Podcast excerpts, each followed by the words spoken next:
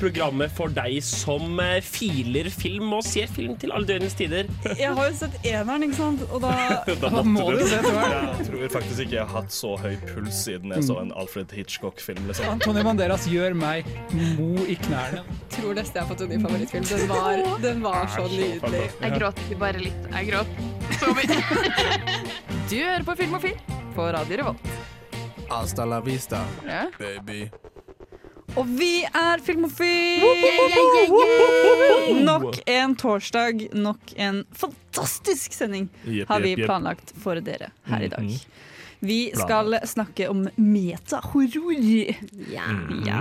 Spooky, men kanskje ikke. Oh, Er hvem vet, hvem vet? Du må bare høre på sendingen for å finne det ut. Mhm. Så lure er vi. Jeg er tilbake etter en ukes fri fra denne gjengen her, holdt jeg på å si. Nei. Så Ja, nå har jeg altfor mye Jeg har hatt liksom filmofile abstinenser, så nå må jeg bare få alt ut på en gang. Mm. Jeg heter i hvert fall Jenny og er deres kaptein i kveld. Med meg på, som styrer skuta, holdt jeg på å si. Jeg skal slutte med disse Skip ohoi! Det er førstedekksgutt Jaran!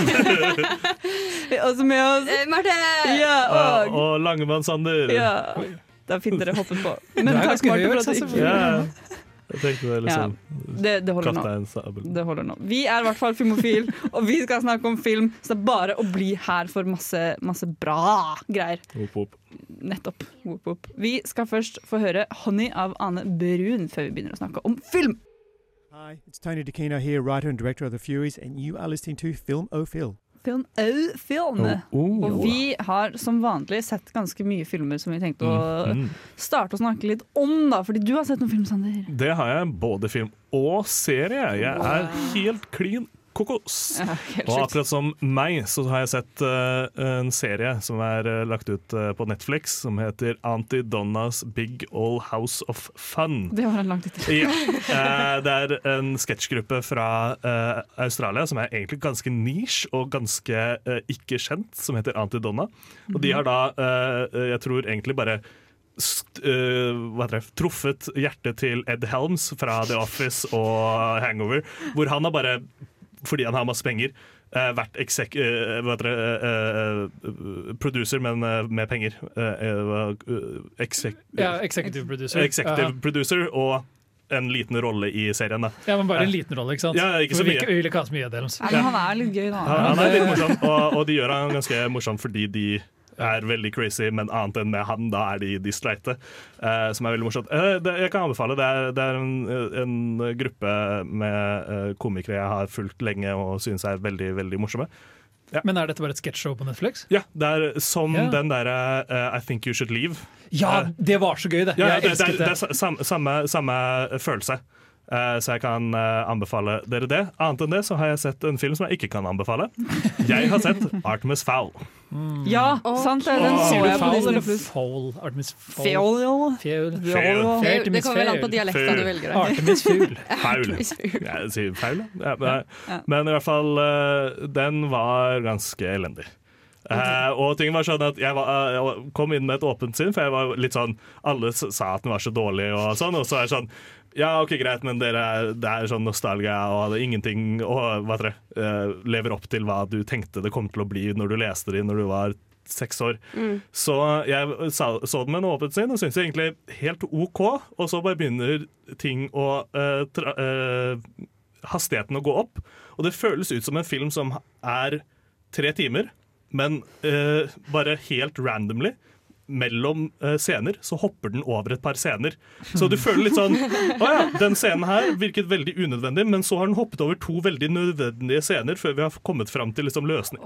Og det, det er skikkelig dritt og dårlig. Ja, det høres veldig sånn Ja, ut. det høres Ja, ut som en det film er, jeg eh, jeg kan ikke Marte. anbefale. Hva er det du har sett? Jeg har hatt eh, Studio Ghibli-maraton Ja. med min kjæreste i helgen. Det var veldig veldig koselig. Så mange filmer vi har sett før. Eh, og så så jeg en film som jeg ikke har sett før. Jeg skjønner ikke helt hvordan jeg ikke har sett den. Den der Laputas eh, Jeg har ikke sett den før!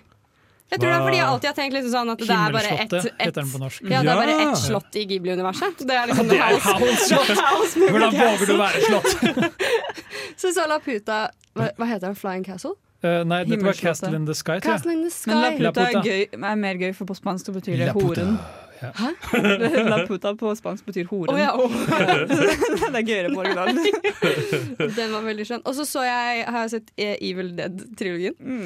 Helt yeah. fantastiske filmer. Du har bare hatt uh, sånn innertiere, du? Hele Ja, faktisk. uke, Vet du Jeg koser meg skikkelig. Kjøpe deg sånn eh, bokcover til uh, pensumbøkene Ja. som Necronomicon-greier, og sitte og lese på det. Det er morsomt. Ja, den, og jeg, det var så rart, fordi når vi så første filmen, så var det sånn OK, ser at det her er liksom det, det, horrorfilm, bla, bla, bla. Ja, nå kommer- snakker du ikke om Ghibli, liksom. Nei, nei, nei. nei, nei. Så Evil Dead 1. Og så kommer toeren, og så er det sånn Vent, hva, hva skjer nå? Fordi det er sånn starter på samme måte som eneren starter, men det er ikke de samme, den samme karakteren som Ash, som er i eneren, er med. Mm. Så det er liksom en gruppe venner i eneren da, som drar på en hytte, og så finner de en bok som på en måte gjør folk til zombies, eller noe sånt. Og så i toeren så drar de til eh, Altså Plutselig så er han med en ny jente, og så skjønner vi etter hvert at det er bare sånn Å ja, dette her er egentlig bare sånn parodi på eneren.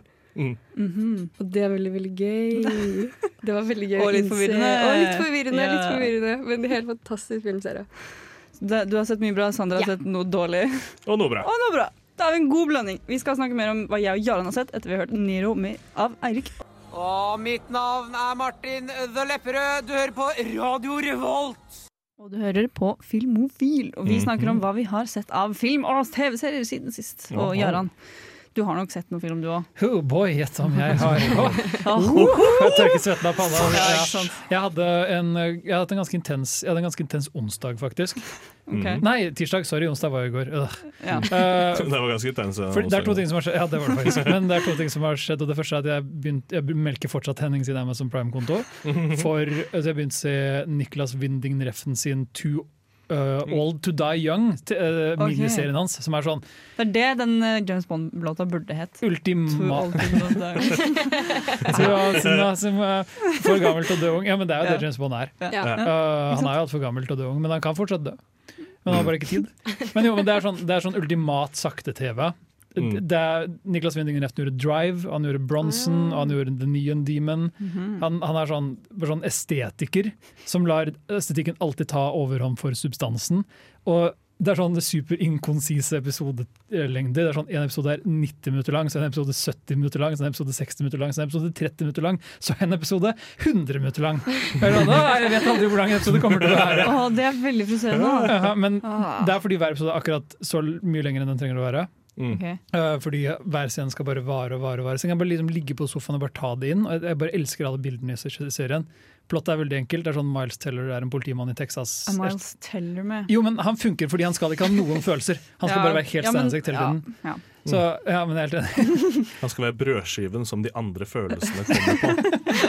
Jo, men det er litt sånn han Det er Miles han er- Teller i et nøtteskall. Miles Teller er den ultimate kulesjef-effekten. For det er bare sånn, Du må bare edite han mot andre ting. Så sånn, han føler noe, kanskje. Og det funker i denne serien, for han skal ikke ha noen følelser. Uh, og Han er en politimann uh, i sånn, en by nær Mexicogrensen, og så blir partneren hans skutt. Og så viser det seg ja, at han som skjøt partneren til Miles Teller, er en meksikansk kid som jobber for kartellet han ute etter hevn. Så Miles Teller må finne denne fyren, og han, han, så får han hjelp av en gangster som han jobber for uh, på si. Mm. Til å finne han kartellkiden, og så skjer det masse greier. Og jeg, Ja. I tillegg så ligger han med en mindreårig jente og masse sånne ting. Ja. Hun er ikke så mindreårig, men det er sånn akkurat ikke greit mindreårig. Ikke så mindreårig, Men, men ja, men den er sånn 17 år, liksom. Det er ikke lov i USA, ikke sant? For- Nei, sant det. Sant det. Så jeg vet ikke om det, Man kan liksom ikke anbefale det for alle, men jeg har bare blitt sånn hypnotisert av den serien. Så jeg hadde sånn, jeg så, jeg så fem episoder av det på en, dag. Mm. Og så var jeg sånn, ok, tirsdag kommer, nå må jeg se noe annet. Så jeg bare begynte å gå gjennom alle filmene i stabelen min. som var sånn, Hvem har ligget her lengst? Og så endte jeg på å trekke ut Paul Schraders Mishima. Det er biopicen til Paul Schrader om den japanske forfatteren Yukiko Mishima. Okay. Mm, Uh. Paul Schrader er en amerikansk film, eh, filmskaper. Han har laget en biopic som er helt på japansk, med et japansk cast filmet store deler i Japan. Mm. Dette er en regissør som ikke har jobbet i sitt eget språk, og det er sånn til å begynne med ganske imponerende. Ja. Men for det andre så er det bare sånn et sånn kaleidoskopisk prosjekt. For istedenfor å fortelle sånn Mishima vokste opp, så gjorde han dette, så skjedde den tingen. Vanligvis når du ser en biopic, så er det sånn Denne tingen gjorde at Van Gogh tegnet dette bildet. Skjønner du? Det er sånn veldig sånn enkel Kaasen-effekt. Mm. Mens her er det bare sånn Han bruker gjenskapinger fra bøkene hans for å på en måte skissere hvem Mishima var. Så han går innenfra ut istedenfor utenfra inn. Mm. Så det er ingen sånn og så bare hopper han frem og tilbake i tid, for det handler om å måtte fange sensen mye mer enn Enn hvem han Eh, var? Jo, En men istedenfor bare sånn å fortelle en lineær historie. Ja, ja. Fordi det er sånn, Kunst er ikke en cause effect-ting, kunst er noe som skjer inni deg. Ja, Ja, ikke sant? Så den er helt sånn fantastisk, og den bytter mellom sort-hvitt til veldig sånn sterke farger på soundstages til veldig naturlige settinger. Og Mishima er en fascinerende figur, fordi han døde eh, på den dagen han og de andre i hans private hær tok eh, en av de japanske generalene som gissel. Og så, tvang han, så holdt han en profascist-tale, og så tok han sitt eget liv via seppuku. Mm. Uh, så han var en ganske intens fyr. Uh, så det vil bare anbefale folk å sjekke ut den, for det var en opplevelse. Ja. Ikke sant? Så hvis vi skal finne den, så må vi gå til din eh, gjenglemte bunke Eller gjenglemte bunke av filmer du har sett. Eller bare leie den, se den et annet sted. Jeg, jeg trodde den var i Henning sin uh, Nei, dessverre ikke. Den var i, den var i min filmbunke. Ja, ok, ja. Men jeg har også sett film, for jeg har vært borte. Mhm. Og film. Jeg har, sett film. jeg har sett veldig mye serier, innså jeg uh, her forleden. For jeg har sett veldig mye Fins og Ferb, som Mhm. vanlig. Ja. Jeg er snart ferdig nå. Og uh, jeg har også sett Jeg så ferdig The Good Place for ikke så veldig lenge Mhm. siden. Oh my Men- god! Sett ferdig ferdig, eller det som ligger Det som på ligger på? Netflix. Okay. Jeg har ikke gått såpass langt at jeg har funnet den siste sesongen ennå. Tenker du fortsatt på skjorteløse chidi? Ikke, ikke så mye som jeg egentlig trodde jeg skulle gjort. Men eh, ja. Og fordi det er sånn, The Good Place er det nærmeste jeg har blitt til å være litt religiøs i, no, i mitt liv. Oh, wow. Mm. har ses, eh, for det er det sesong to? Nei, sesong tre er opp, det er opp til sesong Ja. tre Ja. Er Så Bad Janet er med i sesong tre? Ja. Og Janet- Neutral Janet. Og Ja. neutral, mm. Mhm. Bare Janet i seg selv, egentlig. Når alle Fantastisk går inn i rolle. Jeg vil bare si, altså, så, så jeg har jo sett sesong fire òg. Ja. Ja, ja, også det. Ja, ja, det, det er kjempebra. Herregud, det er, det er en Selvfølgelig- dritbra serie. Selvfølgelig Liksom. gleder jeg Vi holder et spoilerfritt program. Ja. Det er, er det, det er Tina Fey som har eh, produsert det, er det ikke det? Mm, Jeg vet ikke. Eh, vet jeg ikke. kan Det er i hvert fall han, eh, er det Michael Schur som er eh, skaperen, og det er han som sto bak Parks and Rec og den Mm. typen eh, show. Mm. Så han er en eh, Ja, det er helt fantastisk er serie. veldig, veldig bra. Det er sånn veldig fint å ha på når du har lyst til å bare slappe av Mm. Og ha det fint. Så du får litt følelser og litt eh, humor. Ja, Og litt jeg har også sett Queen's Gambit. Eh, Den ble jeg helt hekta på i dag, så jeg så hele i dag, egentlig. Bortsett fra sånn to episoder. Mm. Det er veldig bra, men, og jeg liker veldig godt at de fokuserer veldig på sjakken, for det kunne handlet om så sykt mye mer. Mm. Eller de kunne ha fokusert veldig mye mer på at å ja, hun er kvinne som spiller sjakk, bla, bla, bla. Men jeg liker egentlig at de fokuserer mer på sjakken enn de Ja. gjør på det. Blir det bedre? For jeg så første episode, jeg var litt sånn dette er ikke dårlig, det er bare ikke noe jeg trenger å se resten av. For jeg følte jeg så litt hvordan det kom jeg bare sånn, Dette showet har jeg sett før tusen ganger, på en måte. Ja. Eller historien har jeg sett før. Så det var ikke dårlig, men det var sånn, tar det seg opp etter episode, første episode? Jeg skjønner hva du mener, og det første episode er veldig annerledes fra resten av, resten av serien. Den føltes Fordi- også veldig som sånn Det handler om at hun er en kvinne, OK? Så jeg var Ja, for det sånn, er ja. egentlig ikke det. Nei, okay. For det første episode er mye mer sånn bare for å sette grunnlaget for at, hvordan hun hadde det da hun var liten. Mhm. Og så blir resten bare sånn hvordan hun nå dealer med alt det. Mm. Og Mm. hvordan hun liksom klarer å bli en fenomenal sjakkspiller. Ja, Hey. for er ganske, altså, sånn- det er jo en ganske sånn forutsigbar serie sånn sett, som det du sier. Men samtidig så er det bare sånn at den er forutsigbar på alle de rette måtene. det, er sånn, det, er ikke noe, det er ikke sånn store overraskelser. Jo, det er faktisk et par store overraskelser som skjer underveis. Ja. Vi kan ikke si det. Spoilerfritt. Gjett om faren hans kommer tilbake etter å ha vært i første episode. Det, det er sånn du ser det kommer fra mil unna. Her gikk han ut for å hente melk eller noe? Ja, det er akkurat det som skjer, faktisk. Han er sånn, snakkes, og så drar han. Og så er det sånn Dette kommer til å spille inn senere. Jeg syns du burde, burde se mer av. Jeg kommer sikkert til å se det en gang. Jeg synes du burde se mer. Pappa likte det også. Det er altså pappa sin godkjenning denne serien her. Han no. elsket den. Torbjørn Ah. skrev Det 'checkmate' på Letterboxd. var mitt Oh, forslag! det er Det var jeg som sa det til Det tror jeg ikke noe på. Det var faktisk det, OK. Du er ikke så morsom. Jeg er litt morsom, jeg òg. Men eh, ja, jeg vil anbefale å sjekke ut eh, Queen's Gambit hvis man ikke har gjort det ennå, for den er veldig bra, faktisk. Og de skuespillene er veldig bra. Ja. Mm. Vi skal nå få høre 'Both Eyes' av Lukui før vi skal snakke ut om nyheter. Filmofil presenterer nyheter fra filmens og fjernsynets vidstrakte verden. Gå nyhetstanker! Marte, hva har du for oss i dag? Ja, jeg har nyheter. Kjempebra intro. Noen er veldig glad for å få styre den uh, lyden. Det er liksom bare den lyden som er morsom. Det, Det er, det er, og nyhetene, da. Ja. Eh, første nyhet er eh, at Marvel Studios WandaVision Mhm. kommer på Disney Pluss i januar. Hæ? Er det så lenge til? Jeg trodde det var sånn det skulle komme i september i år, liksom. Ja, for det, var greia, det som var greia var at Disney releasa jo egentlig masse ting som de skulle slippe før året var omme. Mhm. Og da var jo Wonder Vision en av dem. Men nå er det blitt utsatt til 15. januar. Så Husker kommer vel vi til eh, å få de eh, neste år igjen eh, i Norge. Fordi Når sesong Disney to er klar. i Europa. Husker dere den Disney Marvel-timelinen? Hvor det var sånn sykt mange titler som bare aldri har kommet ut og blitt borte og utsatt. Og sånn. det, jeg husker når jeg så den, så var det sånn Å, jeg dreper meg nå! Men nå er det litt sånn Nei, det gikk jo ganske greit. Bare fordi du ikke fikk det.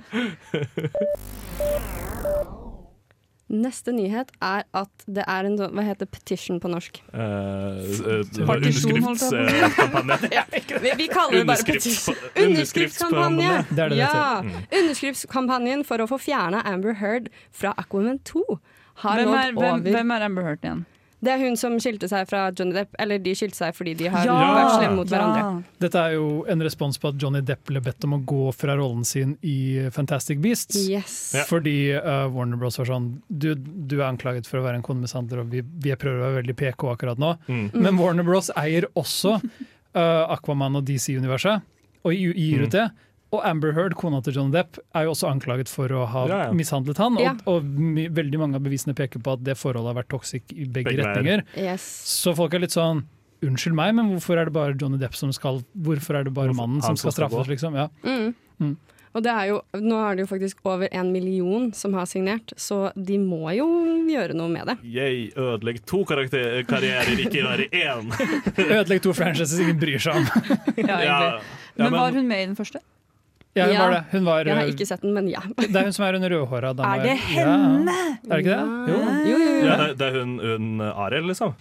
Hun heter ikke Arild. Hun, Ja, hun, sånn, hun har rødt hår og er hun heter ikke Megara, men hun heter sånn Megarar, var det det du så het? Megara er jo hun ja, i Hercules. hun heter ikke det, hun heter en sånn annen mytologinavn. Det burde stå her, men det står Men, ikke her. men ja, altså, hun er jo en havfrue med rødt hår. Hun er jo Arild.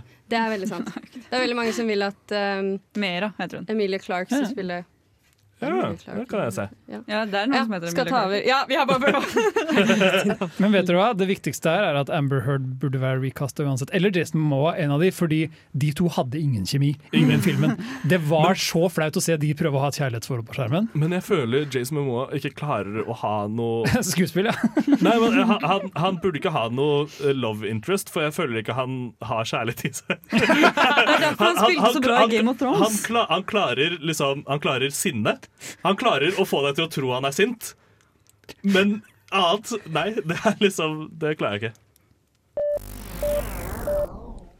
David Fincher kommer jo snart med en ny film som heter Mank. Men nyheten er at han har signert en fireårig lang kontrakt med Netflix. Oi. Fire yeah. år lang. ja. Fire år lang kontrakt. Akkurat nok tid til å ikke lage en ny film, siden han lager sånn én film hvert år. Men det er veldig gøy, for grunnen til dette altså, eh, Hvis det er mange Mindhunter-fans der ute, meg inkludert, så er det jo David Fincher som lagde den serien. Var det det? Mm. Ja, ja. Og han syns syntes at det var så slitsomt og utmattende Ja. at istedenfor å lage en sesong tre, så gikk han til Netflix og spurte kan jeg heller begynne å lage filmer. Ja. Ja. Som Han varer i to timer framfor ti timer. Han har jo bekreftet at han kommer ikke til å være involvert i flere Mindhunter-sesonger. Ja. i det hele tatt. Mm. Han jo jobbet jo på House of Cards før det, jeg skjønner at han er lei. ass. Og jeg er egentlig litt klar for å se David Fincher gjøre noe annet. Ja, jeg gleder meg. Kate Winslet har eh, slått Tom Cruise sin eh, underwater filming record. Slått Tom Cruise. Ja, det Ja, var jeg hadde også håpet at det bare var det som var nyheten. For Kate Winslet skal spille i uh, Avatar 2. Uh, The. Firebender. Ja, og i den filmen så slår hun eh, Tom Cruise sin rekord på seks minutter under vann med syv minutter og 14 sekunder. Jeg skjønner ikke hvordan det er menneskelig. Jeg hadde, jeg hadde, jeg Og mens ingenting. mens du spiller inn en film Én ting er å bare holde pusten, men nå skulle du gjøre skuespill samtidig, eller? Men er det, det, er, er det uten tilgang til luft Ja. imellom det er, for det hadde ikke vært så imponerende hvis de hadde tilgang til luft. Nei, det er 7 minutter og 14 sekunder uten luft. Det er liksom. Mm. godt jobba. Skulle ønske jeg hadde såpass god lungekapasitet. Vi skal nå få høre For You Baby av Murmur før vi snakker mer. My name is Václav Marul. I'm a Czech producer, screenwriter, director, and you are listening Film og Og vi har flere nyheter på lag Eller Marte har flere nyheter på lager til oss. Det har hun. Som vi alle vet, så får ikke Johnny Depp spille neste Grindelwald, eller Grindelwald i den neste Fantastic Beasts-filmen. Mhm. Så det har vært snakk om hvem som skal være Grindelwald i denne filmen. Jeg syns de skulle fått krokker fra The Fairly Odd Parents. Det kommer jeg på nå. Det hadde vært veldig gøy. Hvem spilte krokker i live action før Leon Burns-filmen? Det skal Men jeg finne ut jeg vil bare si at jeg, jeg, jeg kommer til å boikotte uh, Fantastic Beast fordi det ikke er Johnny Depp. Jeg har boikottet den før, da, for jeg hadde ikke tenkt å se Fantastic Beast-trilogiene, men uh, ja. Jeg, jeg har også boikottet toeren bare fordi den så ut som den sugde. Men hvem skal egentlig være Hvem Nei, prater for vi det er ikke helt klart enda, men de ville at Colin Farrell skulle være eh, Grindelwald, fordi han spilte jo Grindelwald sin sånn Ja, han var disguise sånn i kam- kam- ja. mm. ja. Og den rollen sugde han jo i. Han var jo skikkelig kjedelig. Men, der. Nei, men han han, bare, han bare går rundt og ser helt sånn steinansikt ut. men han spilte jo Johnny Depp, som spiller Grindelwald, som spiller uh, Colin Farrell, som spiller Så det er jo vanskelig, da. Vi- Nå trenger han bare å spille Johnny Depp som spiller Grindelwald, Det og er ikke sant. de siste to steppene, liksom. Men uh, greia er at han kan ikke spille det, fordi han er for opptatt med å være The Penguin i The Batman. Med Oh, wow. Ja. Eh, så nå har de heller snakket Skal om han være pingvin? Ja, han skal Ja. være The Penguin. Så nå snakker de heller om at Mats Mikkelsen skal Oh. spille Grindelwald. Jeg syns dette er et bra pick, fordi Ja. Mats Mikkelsen er bra til alt. Helt fantastisk. Så uh, regissøren har Men jeg har ikke sett han så manisk. For jeg føler, jeg føler Grindelwald er en manisk karakter. Så Ja, Det blir nok en litt annen Grindelwald hvis det blir Matt Mikkelsen som tar den. ja, Jeg kan for, i hvert fall forstå da hvorfor Dumbledore har et uh, sexual uh, relations med Matt Mikkelsen. da. Jude nå og Mats Mikkelsen, jeg skipper det allerede! Jeg skipper det så hardt. Du kommer til å se den neste filmen nå. Bare Ja, hvis de- hvis de. Hvis det blir det. Så har vi kommet til det jeg syns er den koseligste nyheten. Mm. Og det er at Taika Waititi, som er regissøren til What We Do in the Shadows og Jojo Rabbit, har regissert den nye julereklamen til Coca-Cola. Taste the feeling. Ja. Og jeg så den i stad. Den har kommet ut på tirsdag, og jeg gråt på slutten. Er Nå er jeg veldig lettrørt, så det skal sies. Men er det den som kommer til å liksom komme for, før alle YouTube-videoer? Sannsynligvis. jeg, jeg antar det, ja. Yes. Det blir liksom årets Cola-reklame før jula. Men Nice. fordi er ikke, det, er, det har skjedd før at uh, store companies har leid inn kjente regissører. For Ja, ja, har, ja. ikke, har ikke Wes Anderson uh, laget en Hennes og Maurits-reklame en gang? Mm, Nei, det var ikke Hennes en som Maurits Wes Anderson, Wes Anderson gjorde uh, for et annet selskap. Jeg husker hvem det er, men det er en Men det er med Adrian Brody og sånn som er med i den reklamen. Og de snakker liksom, det er veldig meta, ja, for de snakker om at Er det det er en American. Express? Nei, det er um, Den heter sånn uh, Castiani. Den er sånn italiensk navn. Det er for et litt mer sånn fancy selskap, men det er okay. riktig. For et, sånn, et eller annet sånn motselskap. Ja. Så gjorde han en reklame som er overraskende cinematisk. Altså. Den, den er kjempefin. Han bruker sånn wide angle-lenser gjennom hele greia, og så Ja, er det en rasbilsjåfør som krasjer i hjembyen sin og sånn. Det er Mm. veldig, veldig stilig. Ja, for den uh, Oi, gud, ord! Den, den den reklamen, holdt jeg på å si. Det Ja. blir jo det. Er Ja. helt nydelig. Altså, den er så bra filma, og det handler om en mann som skal levere et brev til julenissen for datteren sin. Ja. Og det er, ja. Jeg gleder, jeg, jeg gleder meg til å skippe den etter fem sekunder etter tiende Nei, gang jeg se hele! den. Det varer i to og et halvt Ja, men jeg kommer til å se den første gangen. To og et Og halvt så minutt Ja! før du skal se en YouTube-video! ja. før du skal se sånn Folk som lager bilerlydeffekter. Eller Ja. katter. Ryan Reynolds og Hugh Jackman har, som vi alle vet, vil jeg anta, en ganske sånn pågående feud som de har hatt uh, gående Wolverine og. Deadpool, verdens beste venner. Mhm. Og nå har de valgt å sette det på pause. Også som et sånt reklameprosjekt. Ja, sant, jeg Jeg så noe om dette på Instagram. det. De Ja. har jo ikke satt den på pause. Nei, det er jo det som men er. det er jo det som er greia. La meg fullføre Oh, yeah, min. Eh, fordi for Sam's Club, som er sånn dagligvarekjede i USA Skjede, faktisk. Kjede, faktisk. Kjede. Daglig Hvis du ikke hadde kommentert på det, Marte, så hadde det ingen, så ingen Dagligvareskjede, ass. Det er ikke det. Mm, mm. Nei, eh, så har de valgt å legge feuden sin sånn halvveis til side, fordi de skal heller gjøre det om til en konkurranse hvor shopperne hos Sam's Club kan velge hvem av dem de vil stemme på eller gi penger til. Mm. Og hver av dem står for hver sin veldedighetsorganisasjon. Mhm. Så den personen du velger skal vinne denne feuden, får penger da som de gir til et veldedig årsak. Jeg uh, synes det er superbra, bare at uh, de skulle ikke ha uh, valgt mellom to uh, veldedighetsgreier. De skulle bare hatt én, valgt én, og så samlet seg rundt den, og så hadde det vært sånn ah, Du stemmer på den og gir penger til det, og det, du stemmer på det, og så er det, hadde det vært hvem av de som vant mot det. For det føles som Ok, greit, jeg stemmer eh, jeg, jeg føler med Hugh Jackman, men jeg føler mer med uh, Ja, men samtidig så er det to veldedighetsorganisasjoner som får penger fremfor én, da. Så det går jo til en god sak. Ja. Velg veldedighet, ikke velg kjendis. Kom igjen, liksom. Gå for den gode saken, Men det ikke gå for en fyr med muskler og ute smil. Det finnes mange amerikanere som er litt sånn Dette er akkurat grunnen til at jeg syns det er skikkelig kvalmt. Ja, ikke? Men vi skal nå få høre On My Mind av Whammy Boy. Hi, this is Brian Usen. I'm the producer of Reanimator and the director of Society, and I'm with the Filmophile people, and uh, we're all having a great time.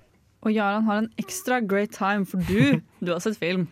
Jeg har sett film, jeg har vært på kino og Kino. anmeldt den nye uh, spillefilmen Freaky, som du kan se på kino. Oh. Den er en, en slags sånn skrekkfilm med tittelen Freaky, som spiller på det at det er en blanding av Freaky Friday og Fredag den 13. Mm. Den har premiere i morgen, som er fredag den 13. For en gimmick! La oss, se. La oss se om de har noe mer å by på.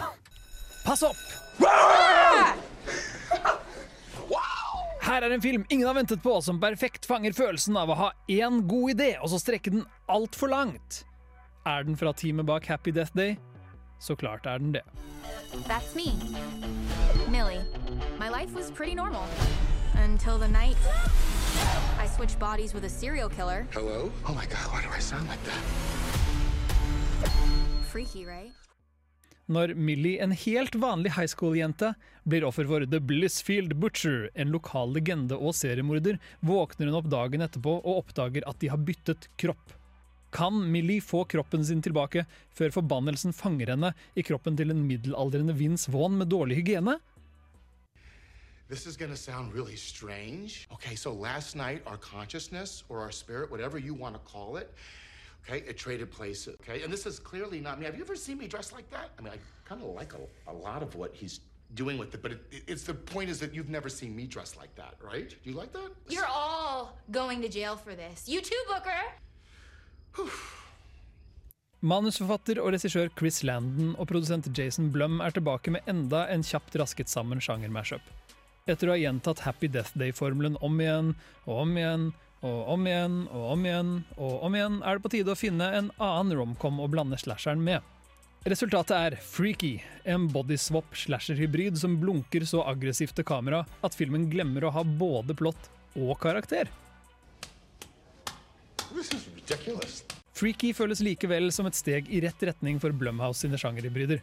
Akkurat som i Happy Death Day kjenner filmskaperne det de stjeler fra, godt nok til å konstruere gøyale metavitser på små og store plan. Å hoppe fra PG-13 til en R i aldersrangering gjør at filmen kan ha det ekstra gøy med blodige og gørrete drap. Whoa, what am I wearing?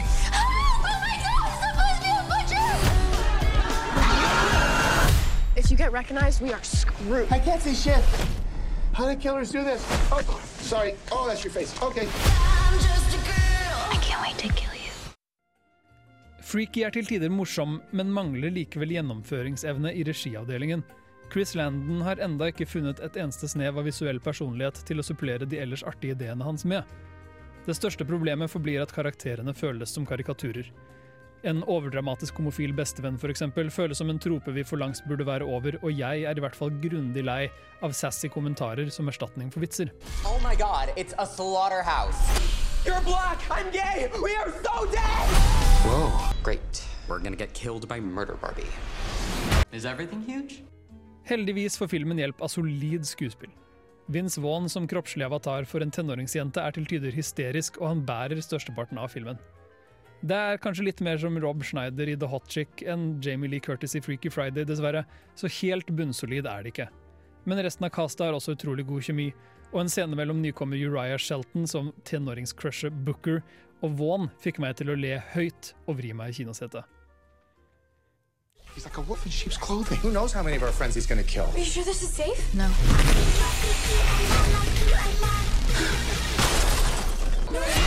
I have like less than six hours to swap back, or I'm gonna be stuck in his body forever. Hurry up, loser. I gotta take a dump. I have to admit, it hasn't been all bad. I'm sorry, sir. I didn't mean to interrupt. I. Move! How's that feel? I'll make you wish your stupid face was never born. Oh my god, did you just pee yourself? Så ønsker du å forlenge halloween-følelsen ut gjennom november, men liker ikke faktisk skrekkfilm, så finnes det langt verre ting enn Freaky du kan se på kino. Du kunne sett The Hot Chick, for eksempel. I am so lesbian right now. Rob Schneider is. Show me what you got! The hot chick. That's my man. Scoot. Boy, I don't think so. Så ikke hot chick, men freaky. Eh, Heller det, Ja, ok. Men spørsmålet på alles tanker er Er Matthew Wan bedre enn Jack Black til å spille en tenåringsjente? For det første heter han Vince Wan, bare for å gjøre Vince. det Hva sa jeg? rask. Matthew Wan. Men det er veldig fair. Uh, hvorfor ikke, liksom? Uh, det er litt samme greia det går i. Og det var en ting jeg tenkte på mens jeg så filmen. Sånn, jeg har allerede sett Jack Black gjøre dette, og jeg syns Mm. allerede da det var for mye. Så jeg var litt sånn det, Han har biter der som er genuint morsomme, men det er veldig mye som er sånn Å, jeg strøtter kroppen min som jeg er en jente. Og så er det sånn Det er egentlig ikke morsomt. Det er ikke en vits. Det er bare fysisk komedie basert på at han er voksen. Ja. Jeg ikke bør gjøre det. Ja. Så Freaky er, var grei. Jeg, jeg koste meg mer enn jeg forventet med den, men ikke sånn. Det er ingen film du bør skynde deg å se. Liksom. Men har du sett sånn Happy Death Day? Jeg har sett? Happy Death Day. Syns du den er bedre eller verre? Ja, dette er, som jeg sier i anmeldelsen, dette er liksom ett skritt videre i riktig retning. Ja, okay. de, får, lo- de har mer vold, mer blod, mer gørr, mer skrekkelementer blant Mm. inn. Men de sliter fortsatt med sånn ingen karakterer har en ordentlig ark. Mm. Alt sammen bare føles som sånn troper, ingen har personlighet. Ja. Ok. Så kanskje om sånn tre filmer, hvis de bytter regissør, så får de dette til. Så hvis man virkelig er desperat etter å dra på kino. Ja. For jeg, jeg, så jo, jeg har sett traileren og sånn, jeg har vurdert å se den. Mm. Fordi jeg skjønte jo liksom at det kommer til å være litt som i Jumanji med Jack Black, men det eneste jeg følte var at originalkarakteren hennes er eh, så kjedelig og så lite karismatisk at det er vanskelig for Vince Vaughn å spille det, mens i Jumanji så er hun så ekstremt bertete at det hjelper Jack Black med å selge det, på en måte. Ja, Vin, Vince Vaughn er en bedre tenåringsjente enn hun tenåringsjente. Ikke sant? Men hun er helt OK, hun skuespiller nå. da Hun er ikke dårlig på noen måte. Jeg tror hun er fra sånn Big Little Lies eller et eller annet. Ja, hun er sånn TV-kjendis. Jeg tror jeg kjente henne fra traileren. Ja. Mhm. Så Freaky, gå og se den eller ikke. Hvis du, du, hvis du laster den ned, så har du gjort det. Det er ikke skikkelig, skikkelig lunken her, egentlig. Så man kan se den hvis man vil. Eller ikke. Eller ikke. Jeg kommer ikke til å sanse det, i hvert fall. Nei. Har du lyst til å se den en gang til? Mm, jeg kunne sett den en gang til, men bare sånn. Ja. Bare, hvorfor ikke? Okay. Vi skal nå få høre 'Better Half' av Das Body. Du hører på Radio Revolt her i Trondheim, studentbyen. Og vi er filmofil, og i dag så skal vi som sagt eh, snakke om metahorror. Uh. Og da er det fint å starte med hva, hva er egentlig metahorror, Gøran? Nå du spør du godt nå, fordi dette, du har ikke forberedt deg i det hele tatt. Jeg har det! Jeg kan ta, jeg kan, jeg kan ta den, jeg er enig. Fordi når vi snakker om et metaverk da, generelt, Mhm. så handler dette om uh, et, måte, et verk som oppnår en viss grad av selvbevissthet. Mm. Så du vil ha et, en, en, sånn, et, en grad av nesten parodiske elementer. Og når vi prater om uh, Happy Death Day eller om Freaky, som, som vi nettopp anmeldte, Mm. så er det gode eksempler på nettopp dette, egentlig.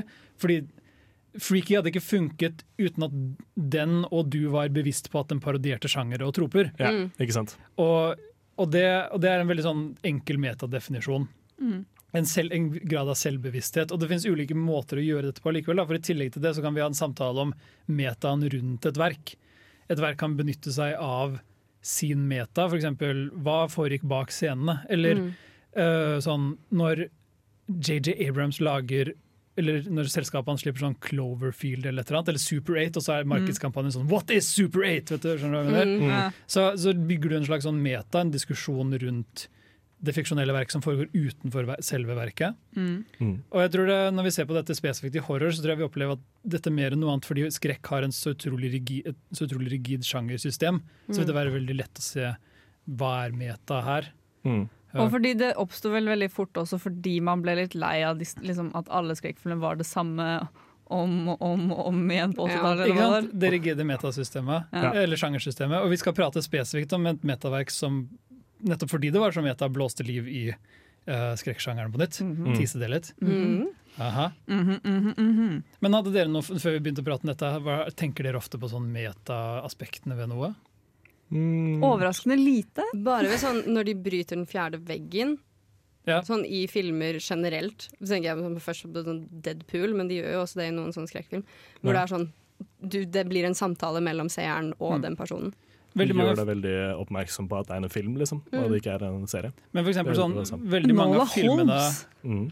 til Christopher Nolan da, de er, de er, Det er ofte samtaler om hvorvidt de er metaverker eller ikke. Mm. Fordi sånn som Inception eller Tenet eller øh, Memento til en viss grad Mm. sånn, Du kan lese det som en slags metafor, metafor ja, Mm. for filmskaping, men det er på en måte meta på et mye dypere plan Ja. igjen. Hvor det er på en måte Ja. innbakt i selve strukturen Og til det driver ikke vi med. Vi kan godt drive med det. Ja, vi driver ikke med det i dag, Men, men mange vil ofte si at det er en ting som gjør filmen til Christopher Nolan bedre. Men så er det sånn, er det egentlig det, eller er det bare et ekstra lag for de som er interessert i å se etter det? Mer som et Ja. easter egg, på en måte. Men uh, filmer med rammefortelling, f.eks. 'Princess Bride' eller andre hvor det er en historie om en bestefar som forteller en historie til Ja. barnet sitt, og så er filmen er den historien.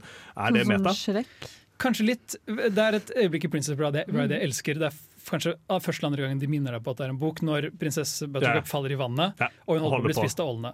Og så fryser filmen rett før hun skal bli tilbudt, og så sier Peter Falk, bestefaren, han er sånn hun blir ikke spist av ålene denne gangen. Yeah. Og det føles som han prater til publikum like mye som han prater til barna han leser historien for. Fordi det er, Filmen er på en måte litt sånn «Hæ, Gotcha, du, du, du satt og tenkte det var teit, du, men du var litt investert. Du lurer på. yeah. Den, den minner deg på, på at du er, bryr deg, men fordi, fordi han sier det egentlig til en annen karakter i filmen, Mm. så blir metablikket like uttalt. Nei, mer, Men- mer som i uh, Et kongerike for en lama, når han stopper filmen og tegner rundt. Ja, uh. Eh, Det er- de det er veldig meta. Men det, men det er altså en komedie som, som har det som humorstil. For Ja. du kan ha sånn som Deadpool, ikke sant? en fjerde veggbryting, Mm. og metahumoren kan være det du vitser med. Det Ja. kan være vitsen du bygger komedien din rundt. Ikke sant? Ja, men det er jo fortsatt, eh, fortsatt det vi liker å kalle meta. Ja. Mhm. Og i dag skal vi fokusere mest på, mest på denne skrekksjangeren, altså horror. Meta- Metahorror, ikke horror-meta. Ja. Jeg har hatt litt mye skrekkfilm i det siste. Happy spookies! vi skal nå få høre What You Want av Oscar Soul Experience. Hei, jeg heter Roar Uthaug, og du hører på Filmofil på Radio Revolt. Det gjør du. Vi er faktisk fortsatt filmofil Ja. denne herlige torsdagskvelden. Mhm. Og vi snakker om metahor metahorror, ikke horror-meta. Metahorror! Yes! Men kanskje også Yeah. horror-meta? Kanskje. Hmm, meta. Ja. Forskjellen. Kanskje litt. Eh, Men uan, uansett, da, hvis du sitter hjemme nå og tenker Men jeg skjønte ikke helt hva dere snakket om i sted. Hva er egentlig meta? Så kan vi komme nå med et veldig godt eksempel på liksom sånn veldig, veldig meta. Da. Et eksempel, liksom, veldig metaverk. Mm. Det er uh, for eksempel found footage, som det Mhm. heter. Det er en egen eh, type eh, stil innenfor, eh, innenfor eh, horror. Du Hvor- kan ha de andre sjangere òg, men det har blitt så utrolig sånn inngravert i horrorsjangeren. Ja, men det Mm. er jo med, ja, eh, for det er jo en stil, da, ja. og ikke en, eh, en sjanger. Ikke en livsstil. Eh, så, så, men det som, hvorfor det gjør det så veldig meta, er jo fordi den eh, filmen etablerer at det er en film i filmen, på en måte. Ja. Det er en historie om en film som er en historie. Som gjør det veldig gang til. Så det er en film om en film om en historie. Det virker sånn Russian nesting doll-aktig. Ja, ja, ja. Det, er jo, det er jo litt det der. Fordi det jo, da blir jo på en måte kamera og kamera eh, Filmingen, selve akten av å filme, blir en del av historiefortellingen. Sånn som i Blair Witch, for eksempel, så er det jo flere scener hvor eh, folk blir redde og legger fra seg kamera, og du ser bare personen løpe fra, eh, fra kamera. ikke sant? Og da, det blir en del av filmen. En etablerer at det ble filmet, på en måte. Eller One Cut of the Dead, faktisk. Ja, den er veldig Faktisk også en god meta der. Mm. Eh, Men for, å- Og den er innen horrorsjangeren også. for å Mm. begynne med Blair Witch Project, da, bare for, Ja. hvis noen har levd under en sten, så er jo det ofte den som er anerkjent som filmen som gjorde fan footage til en ting. Ja. Mm. Og Det som var ekstra interessant med Blair Witch Project, var at den, hadde, den, den var Marketingen. 1999, ikke sant? Vi opplevde jo ikke det, men den ble markedsført mye på internett Mm. som en ekte dokumentar. Noen var Ja. sånn Dette er en film vi har Ja. fått tak i. De, de, Om- de tok til og med og lagde Uh, Missing Persons-rapporter for, for uh, skuespillerne, skuespillerne, som de ba skuespillerne om å eh, hva dere, holde seg i isolasjon og møte minst mulig folk Mm. på eh, liksom, fra liksom, de var ferdigklippa til eh, release, sånn at folk ikke så de gå rundt omkring osv. Det, det er så mange som trodde at dette var ekte, at det var flere sånn, som jobbet på kino på den tida, som hørte mange som gikk ut av salen og bare sånn Det er helt sjukt at dette her er ekte. Og, de, og de, fant jo opp Blair Witch-myten, den fant selv ikke på forhånd, men de jobbet veldig hardt med å late som det var en forhåndseksisterende myte. Så folk var sånn wow, vi drar på Blair Witch Tours til stedet der det skjedde, for å lære om den ekte mytologien. De klarte faktisk å skape en komplett mytologi, og det er jo et helt, altså en hel metabit rundt dette metaverket, Ikke sant? Som, vok som vokste ut av Blair Witch-filmene. Eller Blair Witch-prosjektet, faktisk. Ja, ja. ja, men eh, det, det, er, det er faktisk helt sjukt. Det, det, det er nesten like interessant å se en dokumentar om Blair Witch som det er å se et Blair Witch-film. Ja, egentlig. Ja, og det, det er jo når du snakker om det at et sånt found footage-konsept skaper så mye opprør, Mm. så er det den filmen som måtte få kreditt for å ha funnet opp ideen litt tidligere, er Cannibal Holocaust fra 80-tallet. Mm. Eh, som, som også er meta i den forstand at det er en film om filmopptakene. De er Ja. sånn, vi har noen found footage-opptak, men så ser du karakterene som har hentet disse opptakene ut av Amazonasjungelen. Mm. Og så er det sånn, dette er en dokumentar. Så de dro inn til jungel- jungelen, så ser du alle bak scenen-greiene Mm. hvor dokumentarcrewet lager masse kvalm i jungelen for å filme dokumentaren sin. Mm. Ja. Og så blir de til slutt drept av kannibaler. Mm. Og Så filmen er en kommentar på sånn, er, er den dokumentaren etisk? Hva Liksom, er det kult å gjøre, lage underholdning av dette? Men det, dødsfallene var så grafiske på den tiden at det, filmen ble bannlyst, og i noen land så ble uh, regissøren av filmen forsøkt stilt for retten fordi de trodde han legit hadde drept noen på kamera. Å, ja. Oi, så han ble bedt om å, å stille Han stilte i, i en rettssal i Amerika med alle skuespillerne. For Ja, å vise at han, de Ja, lever han- fortsatt. jeg er ikke, jeg er ikke drept har noen. Ja, det Så sjukt. found footage har inspirert sånn metakonvers-samtaler ganske ofte. Ja, ja. Mm. Ja, vi har jo den norske uh, trolljegeren også, som er en ganske grei uh, found footage. Mm. Beklager, jeg avbrøt. Nei, det går bra. Jeg skulle bare si at Du har jo også den uh, Slenderman-serien som kom på YouTube, Marble Ja. Hornets. Oh. Der også var det jo litt sånn diskusjon altså, Det det var veldig mange Ja. som trodde at Slenderman var ekte etter de hadde sett den YouTube-videoen. Fordi det ble bare lagt ut av en YouTube-kanal. Og i, den, i filmingen, det er sånn 90 episoder eller noe sånt, Mm. plutselig så kommer det en YouTube-bruker Ja, det er helt sinnssykt. Det tar sånn, jeg tror sånn, sånn ni timer eller noe sånt å se sånn alt. dag av livet ditt å se. Eller, Men det som også er veldig kult, er at de spiller på YouTube-kanalene i selve serien. Mm. Så er det plutselig en ny YouTube-kanal som bare kommer ut av ingensteds, som begynner å kommentere på ting på videoene. Så en, Og det en som er- har sett dette her, som skal utforske dette her. Og Ja. det er, jeg, Så det blir en del av hele narrativet i Ja. den serien. Veldig meta. Utrolig kreativt. Alt er, jeg, blir, jeg merker jeg blir liksom vondt i hodet av alt denne metaen snart. Det er, for mye, det er for mye for hjernen min å prosessere. Heldigvis er fan footage blitt mye dummere i senere tid. Ja. Takk Gud for det! Ja. Vi skal nå bare more, more, more av Baby Strange.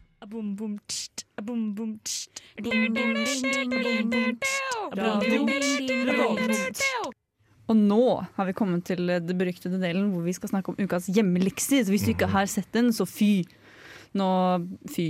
Fy. Fy. For vi snakker nemlig om skrik. Ja.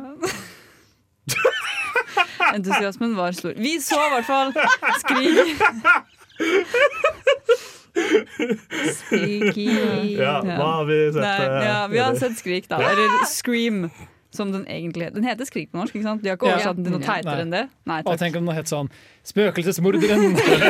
altså, hvem vet? Ghostface Killer. Å, ja. Men ja, eh, jeg var den eneste i rommet som hadde sett Skrik før. Så ja, var du det? Du hadde ikke sett den, Jenny? Nei. Sandra hadde ikke sett den? Jeg trodde dere andre hadde sett den, men jeg trodde bare det var jeg som var en taper. Nei, jeg hadde Der ikke vi sett er den. alle tapere. Ja, Men jeg har jo på en måte sett den, fordi den har blitt brukt i så mye popkultur. Så jeg kunne liksom veldig mange av scenene og visste veldig mye om den. Ja, jeg visste ingenting om denne filmen. Jeg trodde det var en skikkelig skummel film. Jeg, som jeg antar med alle filmer som er sånn litt spooky. Mm. Så Det er derfor jeg ikke har sett denne før nå, for jeg har holdt meg aktivt unna disse filmene. Den har jo Shaggy fra Scooby-Doo til og med. Ja, det, det var litt gøy, da. Mm. Men det satte jeg litt pris på. da jeg først så den. Men når dere så den, følte dere at den var veldig meta? Ja, den, Ja. den altså hele greia ringer og spør, og, øh, spør om trivia-spørsmål om horrorfilmer. Ja. Og liksom snakker om taktikker om hvordan å overleve en horrorfilm som en person, Det er en del av filmen hvor en person ser på uh, en horrorfilm hvor han sier 'se bak deg', mens det er en person som ser på video av han som roper 'se bak deg'. Uh, ja. Halloween av alle ting ser han på skjermen. Eh, Scenen når Jamie Lee Curtis holdt på å bli angrepet av Michael Myers. Og Ja. den er på en måte kjent som filmen som satte standarden for hva Mm. en slasher ble. Mm. Og så, som Jenny nevnte tidligere, Mhm. etter halloween så ble som slasher-sjangeren litt sånn Fredag den 13. 1, 2, 3, 4, 5, Ja, 6, altså, 7, folk 8, 9, ble litt lei av bare sånn se folk uh, skvette over 'Æ, 'du blir drept med en kniv'. Og skrekksjangeren Ja. gikk egentlig helt på tomgang. Ja. Mm. Helt til Skrik var den, var en, Det var ikke den første filmen som turte å gjøre det. Filmer hadde gjort det før. Fredag den 13. del 6 har meta-aspekter. Men ingen så den? Uh, jeg så den. Ja. Nå, nylig. Eh, men den har sånn biter hvor det er sånn en Det er ikke gang- den som er i verdensrommet? Nei, Det er- det, den, kom, den kom senere, sånn Å, ja. 2000. eller. Ja, det, Ja. Jason X, Jason Goes to Space. Ja. Eh, eh, det, er altså, det kommer etter Jason uh, Fredag den 13. 9, Jason Goes to Hell. Eh, så, Det er så mye. men Fredag den 13. del 6 hadde hatt meta-aspekter før. Og um, Wes Craven, regissøren av Scream, et par år tidligere gjorde han New Nightmare, som også er et metaverk, og som Ja. handler om at de skal lage en ny Nightmare on Elm- Street-film, Mm. men så blir skuespillerne i den nye filmen hjemsøkt av Freddy Krueger. Oh, okay. Ok. Eh, så den også er på en måte meta før Skrik, men ingen hadde laget en film som klarte å blande de elementene like bra som Skrik. Mm. Og være litt humoristisk også. Ja. Ja, for Skrik er ganske morsom til tider. Ja. når de går gjennom hele lista på sånn Hvis du er jomfru, så dør du ikke. Du, altså, hvis du Ja, har sex, så dør du det med en snakker, gang. snakker de om mens uh, hovedpersonen har sex i Ikke sant? over Ja, ja, ja. etasjen. Eh, ja, men nei, Det er noe grunnen til at jeg syns Skrik funker så bra. Jeg vet ikke med dere, men jeg er veldig glad i den filmen. Og, Ja, den funker kjempebra. og den funker veldig godt fordi den, den gjør den tingen som veldig mange metafilmer ikke alltid som For Freaky da, glemmer. Det er å ha plottet først, og så metabiten i tillegg. Mm. Den, den, Scream forteller på en måte en ganske decent slasher-filmhistorie med litt twist og turns. Og det, revealen på slutten av spoilers er at det er to mordere, Mm. ikke én.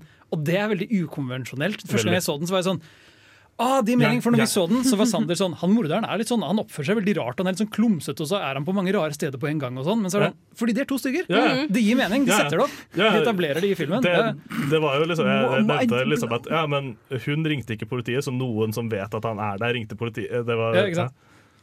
Men så hva er dommen på Skrik? Liten. Bra. Jeg syns metadelen gjorde den litt ikke så bra som det den burde ha vært. Jeg syns det trakk den litt ned, egentlig. Ja. Men uh, den var helt grei. Jeg overlevde. Jeg syns ikke den var så skummel, egentlig. Så da vil jeg si det er en tommel opp fra meg. ja, rett og slett. Vi skal nå få høre Maze av Always Dance. Eh, Hei, det her er Dag Jan Haugerud. Jeg heter Torbjørn Harr. Og jeg heter Yngve Sæther. Jeg heter Jan Gunnar Røise. Og du hører på Filmofil! Som vi snakket om litt i sted med den godeste ah, altså skrik, så er det veldig sånn, i hvert fall syns jeg da, når det kommer til meta, at det, det er veldig lett å lage det litt morsomt. Eller litt humor, det er lett å få det litt mer humoristisk. En humoristisk vri på det, fordi det er et såpass tullete konsept til å begynne med, egentlig. Ja, og mye av humoren er bare humor fordi det er meta, fordi den refererer noe annet verk. Mm. Så det kan være liksom ah, dette her hadde ikke vært morsomt med mindre du hadde sett den andre filmen, så derfor legger filmen opp til at det finnes et fiksjonelt uh... Det er den tynne balansegangen å gå, ikke sant? hvor du må passe på at det ikke blir for spesifikt. Du vil veldig gjerne på parodiere populærkultur, men du vil ikke Ja. sånn, Over, som, sånn som med gjør Skrik, da, hvor det er sånn de snakker om skrekkfilmreglene, Mm. og så har de spesifikke callbacks, men det er mer sånn, du trenger ikke ha sett så mange slashere før du føler at du vet hva en slasherfilm er. på en måte, Ja. ikke sant? Det er sånn, ja, det er en gal morder, han dreper folk, det er alltid noen dumme tenåringer som gjør noen Ja. greier. ja. Det er en ganske fin formel som er satt opp. Den, den, som, den de sier i Skrik, den, den gjelder faktisk eh, ganske ofte også. Men, men det, det finnes andre formler og andre takes på det også, ikke sant? Mm. Vent, hæ? Hva, hva? Jo, okay, men jeg ta, vil at du skal forklare ta, meg, Göran. Ta Cabin in the Woods, da, for ja, ja. eksempel. Ja. Som spesifikt går etter uh, Cabin in the Woods-type filmer. Ja. Evil Dead. Som, Evil Dead. eh, Det var kjempegøy, for jeg så Cabin in the Woods på nytt i helga også. Ja. Rett etter jeg hadde sett Evil Dead. Og det er så mye referanser til Evil Dead. Ja, ja. Ikke sant? Sånn en kjellerluka som bare smeller og Og så går de ned i kjelleren, Ja. og så i, i Cabin in the Woods så har de sånn Basert på hvilket artifakt de plukker opp, så Ja. slipper de løs et hvit monster. Fordi konseptet Cabin in the Woods Cabin in the Woods funker bare for, i kraft av at den vil være meta. Mm. Ja. Den er ute etter, Historien er en haug med tenåringer skal dra på en hytte i skogen. Mm -hmm. uh, fordi de tenker sånn det blir kult å dra på fest, og så er det college kids. Og så er de sånn, Ingen av de er skrekkfilmtropene egentlig, men mens de er på den hytta, så begynner de å oppføre seg mer og mer som kåte, dumme tenåringer. Mm -hmm. Og så Som blir de gjør. jaget på av morderzombier. Ja. Uh, uh, og så viser det seg, eller filmen forteller publikum det med en gang, men for dem så avdekkes det gradvis at en slags sånn shadowy skygge corporation har en diger lab under bakken hvor de manipulerer alt som skjer i denne skogen. Ja. De har fanget disse tingene eh, som de sender etter, etter dem, og sender de ut etter hvert eh, Og de, må, de ja, og de må jevnlig gjennomføre et slags ritualoffer som består i å skape en skrekkfilm. Mhm. Mm. Uh, og det er her Cabin in the Woods faller fullstendig fra hverandre for meg, da, fordi jeg syns disse reglene bare blir altfor dumme. Men eh, fordi jeg, jeg likte, uh, likte ideen om å ha en sånn elendig oppfølger som bare tar for seg liksom det, det større aspektet med det. For det er jo altså, Sorry for spoiler, men det er jo en sånn gud som de tilber ved å drepe en jomfru på et alter på en viss tid. Altså det er sånn, Innen en viss tid så må du drepe Uh, hun, og hun må være redd og hun må være jomfru. Hvis Mm. ikke så kommer denne, dette monsteret, guden, til å uh, ødelegge ting. Planeten. Så det som er morsomt, er jo at det har vært en sånn skikkelig sånn dårlig oppfølger som bare tok med seg den eh, story-metaen og går videre til hva er det egentlig denne her eh, guden er. Mm, og så synes jeg det også er veldig gøy at i tillegg til at er, du ser altså disse folkene som er i den bedriften som styrer hele spillet, på en måte, Mm. så er det jo en av karakterene som begynner å gradvis legge merke til at nå er vi jo faktisk Det her er jo akkurat sånn som en skrekkfilm er. Ja. For nå blir vi til de ja, Han ja. stoner-karakteren. Han begynner på en måte gradvis i løpet av filmen å nøste opp alt det her i ja, nå blir hun dum, og hun pleier ikke å være dum. Hun, nå blir hun den blondina som er liksom arketypisk til skrekkfilmer. Jeg syns Cabin in the Woods er veldig morsom, men den prøver også samtidig å være litt mer sånn skrekkfilm, litt mer seriøs. Og jeg syns som sagt ikke det funker så godt, for når de begynner å blunke sånn aggressivt til kamera, så syns jeg heller gå for humoren. Ja. Og øh, øh, på samme linje som prøver å gjøre det sammen, som jeg syns lykkes mye bedre, er Tucker og Dale versus Evil. Har du sett den? Ja, ja. Som er, Fantastisk. Setup er Tucker og Dale er to uh, morderhillbillies som bor i skogen, men de er ikke morderhillbillies. Ja, sant, De er bare to kompiser. Ja, de er bare to kompiser, men de, de passer så bra den erketypen med de ekle, rare hillbilliene Ja, som bor i skogen, Mm. at når en haug med college kids kommer for å feste skogen deres, mm. så tror de Tucker og Dale er mordere. Fordi de- Gjennom en rekke misforståelser. Ja, for de har også en eh, urban eh, story om et mord av uh, hillbillies, to hillbillies Ja. som går på en massaker i den skogen. Og så er det og det er denne, ja. denne uh, anniversaryen er i kveld. Men Eh, så I tillegg så er det jo det at en av jentene skader seg, og de Ja. hjelper henne. Men når de Ja. ser to Mhm. hillbillies bære henne av gårde inn i skogen, så er det sånn Å nei, de har kidnappet vennen vår! Og så prøver de å redde henne, men hver gang de gjør et redningsforsøk, så overhører de enten Tucker og Dale prate om noe helt uskyldig som de misforstår som veldig alvorlig, Ja, eller så ender de i en veldig tragisk ulykke. Og Tucker og Dale er de to søteste guttene, og de er sånn Hvorfor har alle disse college kidsene en selvmordspakt i skogen vår? Det er helt grusomt. Ja, ja, ja. Nei, uff a meg. Det er fantastisk.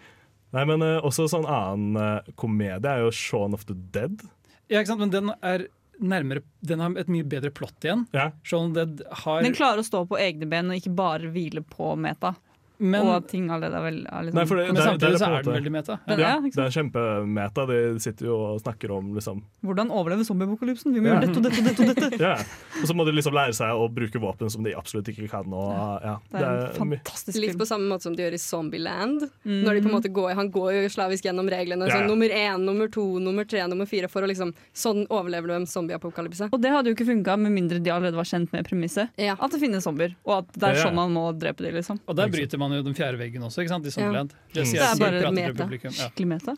Filmer jeg ikke tenkte på som er meta, de er skikkelig meta. De, wow, det er ikke noe å spare på her. Det er den vi skal høre av Valkyrien Allstars. I'm the drag queen for president. I know y'all ain't starting this white ass party without me. I don't need to be humble. Hi, my name is Bob the Drag Queen, and you are listening to Radio Revolt.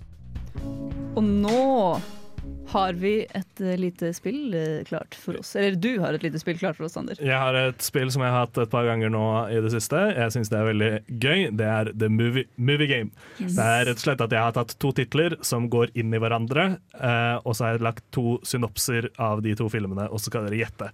Så dere får poeng når dere setter disse to filmene sammen. To kompiser skulle egentlig bare chille på en hyttetur, men planen blir ødelagt av en gjeng tenåringer som tror de skal drepe dem. For å gjøre vondt verre, så har tenåringene The Necronomicon. Tucker and Dale versus The Evil Dead. Yeah, versus Evil- uh, God damn it. Yes, Så der var svaret Tucker and Dale versus Evil dead. Jeg hadde den første, da. To kompiser som bare ville chille. Ender opp med å måtte bekjempe zombier i en bar, men alt går fint til slutt når han står oppe på bordet og får et annet perspektiv. Shaun of the Dead Shaun of the Dead Get up on your desks! Shaun of the Dead Power Society. Yes. Oh, ja. jeg trodde det var Spesifikk scenereferanse. Yeah. If you hang up on me again, I'm gonna gut you like a pig! Ingen forsto egentlig hva tyskerne mente, så de måtte lage en maskin for å dekryptere koden. Uh, uh, Screamitation Game. Først når du sa tyskere, så trodde jeg det kom til å være Screamdlers liste. jeg var skikkelig glad for å si det. OK. Hei, hei, det er en zombie bak deg! Slutt å synge og legg merke til zombiene som går amok bak deg! sa Marlon Brando i- som en soldat under Vietnamkrigen. And then the apocalypse now! Yes. OK, er dere klare for Jesse Eisenberg og Woody Harrelson reiser gjennom en prehistorisk jorden for å hjelpe Lillefot og vennene hans? Zombieland before time. Ja! Er det Land Before Time? Var det filmen, den andre filmen? ja. Det er Lillefot og vennene hans på engelsk. Nei, den heter heter ja. jo Lillefot og vennene hans. Ja, Men ikke på engelsk. Zombie Lillefot Jeg liker ikke den leken lenger. Zombie, zombie Lillefot Zombie er Lillefot. traumatisk. Åh, det hadde vært Det hadde vært skummelt! Og tenk zombie, sånn der skarptann, eller hva de het. De der eh, svære Hva er det det de het? Skarptann? Ja, hva het de der Hva, tenker du Tyrannosaurus på Tyrannosaurus Rex? Rex og Tyrannosaurus Hitler? rexene i uh, Lillefot Hadde de et spesielt navn? Det er sånn Georg. Nils. Greg. Greg? Okay. Greg. Å nei, jeg sitter i en murder time loop, og i tillegg går verden under pga. global oppvarming. Happy death day of after tomorrow. Ja! Og da var det Marte som vant denne gangen. Var? Ja, det var det! Var Jeg føler ikke det. Du føler ikke det, nei? Jeg du har faktisk ikke vunnet en eneste Nei, gang, Ja, du suger. For hver eneste gang så er det siste poenget Ikke gjør dette mot meg, da! Men hvis vi hadde telt uh, flest antall svar, så mener jeg at Ja, men du skjønner, Dette her er som uh, rumpeldunk, hvor uh, gullsnoppen er verdt eh, 150 poeng, og vanlig score er 10 poeng. Så det er, det er rett og slett Det er ikke noe vits i å spille rumpeldunk uten å ta Nei, det er det som er så rart med rumpeldunk, og det er det som også er så rart med spillet, men jeg bare klarer ikke å det. Du, klarer ikke. du må egentlig bare spare energi til siste spørsmål. Og Da må du komme på. Så det er siste spørsmål som gjelder, da? Alltid, alltid med mindre det er veldig jevnt. Marte. Marte, jeg, jeg banker deg opp. Altså, det, Jeg følg kommer med litt i timen, gutta. Jeg, føler, jeg, føler, jeg føler nå har alle vunnet minst én gang, bortsett fra deg. Sander. Kanskje det er på tide at noen andre gir deg en mulighet til å vinne et Meve Meve Game. Nei, men du er for god på det, så jeg, det vil ikke Da ødelegger Jeg vil vinne igjen, så jeg tar den ikke. Det er sant! Same. Vi skal med det gå videre i vårt program og høre The Rest av Daft Punk fra Tron Legacy! Ja. Og vi her i Filmofil er tilbake for å snakke mer om film. Og hva? og mer generelt, eh, eller mer spesifikt Nå stopper dere. Jeg, jeg bare gjorde noe, så nå skal ikke dere spille videre på det. Jeg liker ikke dette her. Det var bedre. Oh, yeah. Nei. Nei. Men Marte! Vi snakker om metahorror, Mhm. og en annen type meta man kan, som er overraskende vanlig. Eh, over, jeg sier overraskende fordi det er litt overraskende at det er såpass vanlig. Er eh, å lage oppfølgere. Eller det er jo ikke vanlig. Det er veldig vanlig! Det er så vanlig. Det er Det er så faktisk noe av det mest vanlige. Nei, nei, Jeg er ikke overrasket over at det er vanlig. nei, det er ikke det. Men oppfølger, det har blitt en greie at man lager oppfølgere som refererer til den første filmen som om det var liksom det var en egen greie igjen. Ikke at liksom handlingen fortsetter i toeren. Ja, ikke Men som i Shrek 2 når det bare går videre i historien. Eller hvilken som helst annen oppfølger, Sander. Du trengte ikke å nevne Shrek. Jo, Men, jo, men det er, det er noe med den eh, En oppfølger må jo på en måte referere til den forrige filmen, Fordi hvis ikke så er det ikke en oppfølger. på en måte Men som regel så er det jo egentlig bare at historien fortsetter, på en måte, og så antar man at man har sett den første. Og i Ja. den forstand er det jo ikke så veldig meta. Nei, det er ikke så Nei, men veldig det er, det, er, det er noen filmer der ute, og kanskje også nok en gang i skrekksjangeren, fordi det er noe med sånn eh, det, det studioer tror publikum vil ha, er riktig å si. Når du lager en oppfølger, er at de vil ha den samme filmen på nytt. Mm. Og det er ikke alltid tilfellet. Og hvis du er en filmskaper, så er det ikke alltid du har lyst til å lage det.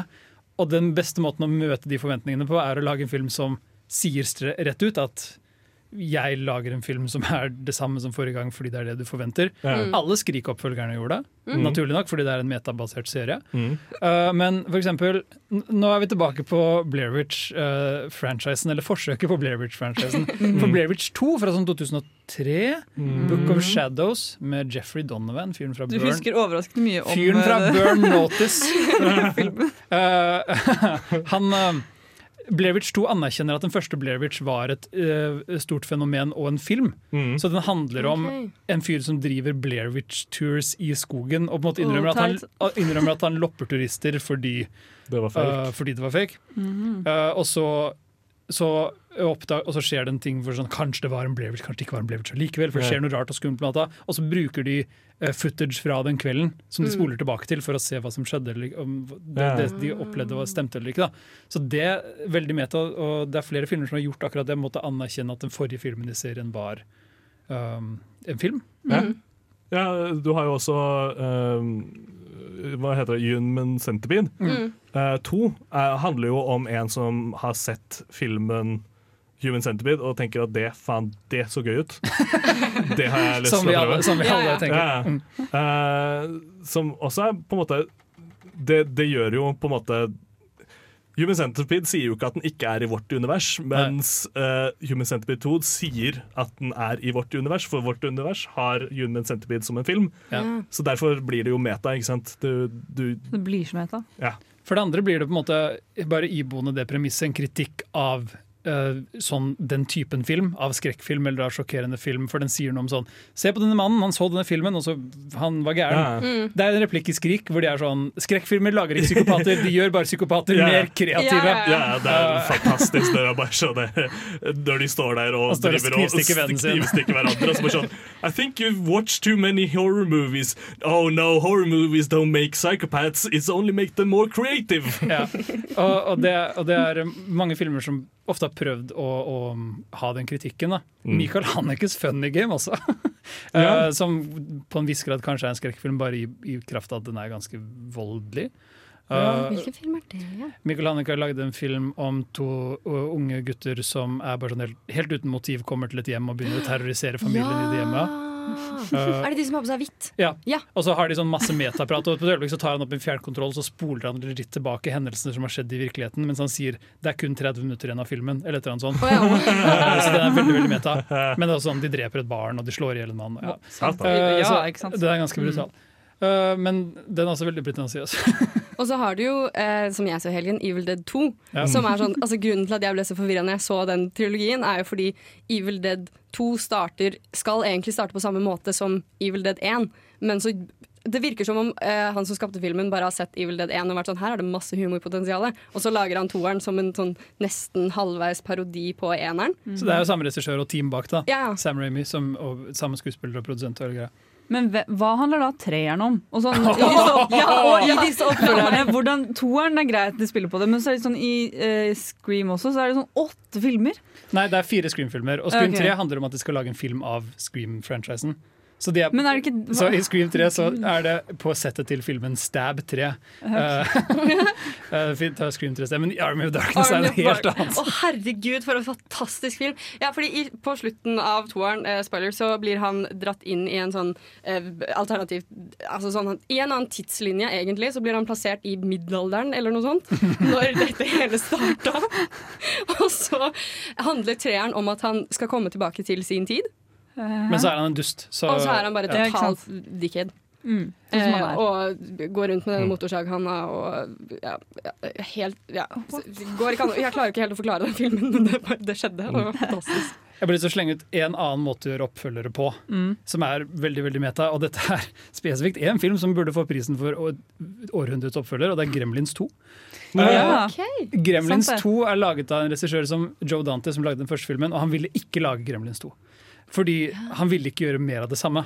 Nei. Han var ikke interessert i å jobbe med Fordi Oppfølgeren blir bare med det samme, men større. Og han var sånn Jeg vil ikke jobbe med ti ganger så mange Gremlins-dukker. Det er et mareritt å jobbe med de. Jeg vil ikke lage den samme filmen. Men til slutt fikk, så ble det bare for mye penger tilbudt, og han sa ja. Og Gremlins 2 hater seg selv, og den er dødsmeta på at den er en oppfølger. Den, den har vitser som er sånn Folk plukker opp Gizmo, den lille søte gremlinen, er sånn Wow, har du vurdert å selge Gismo-dukker, liksom? Skjønner du?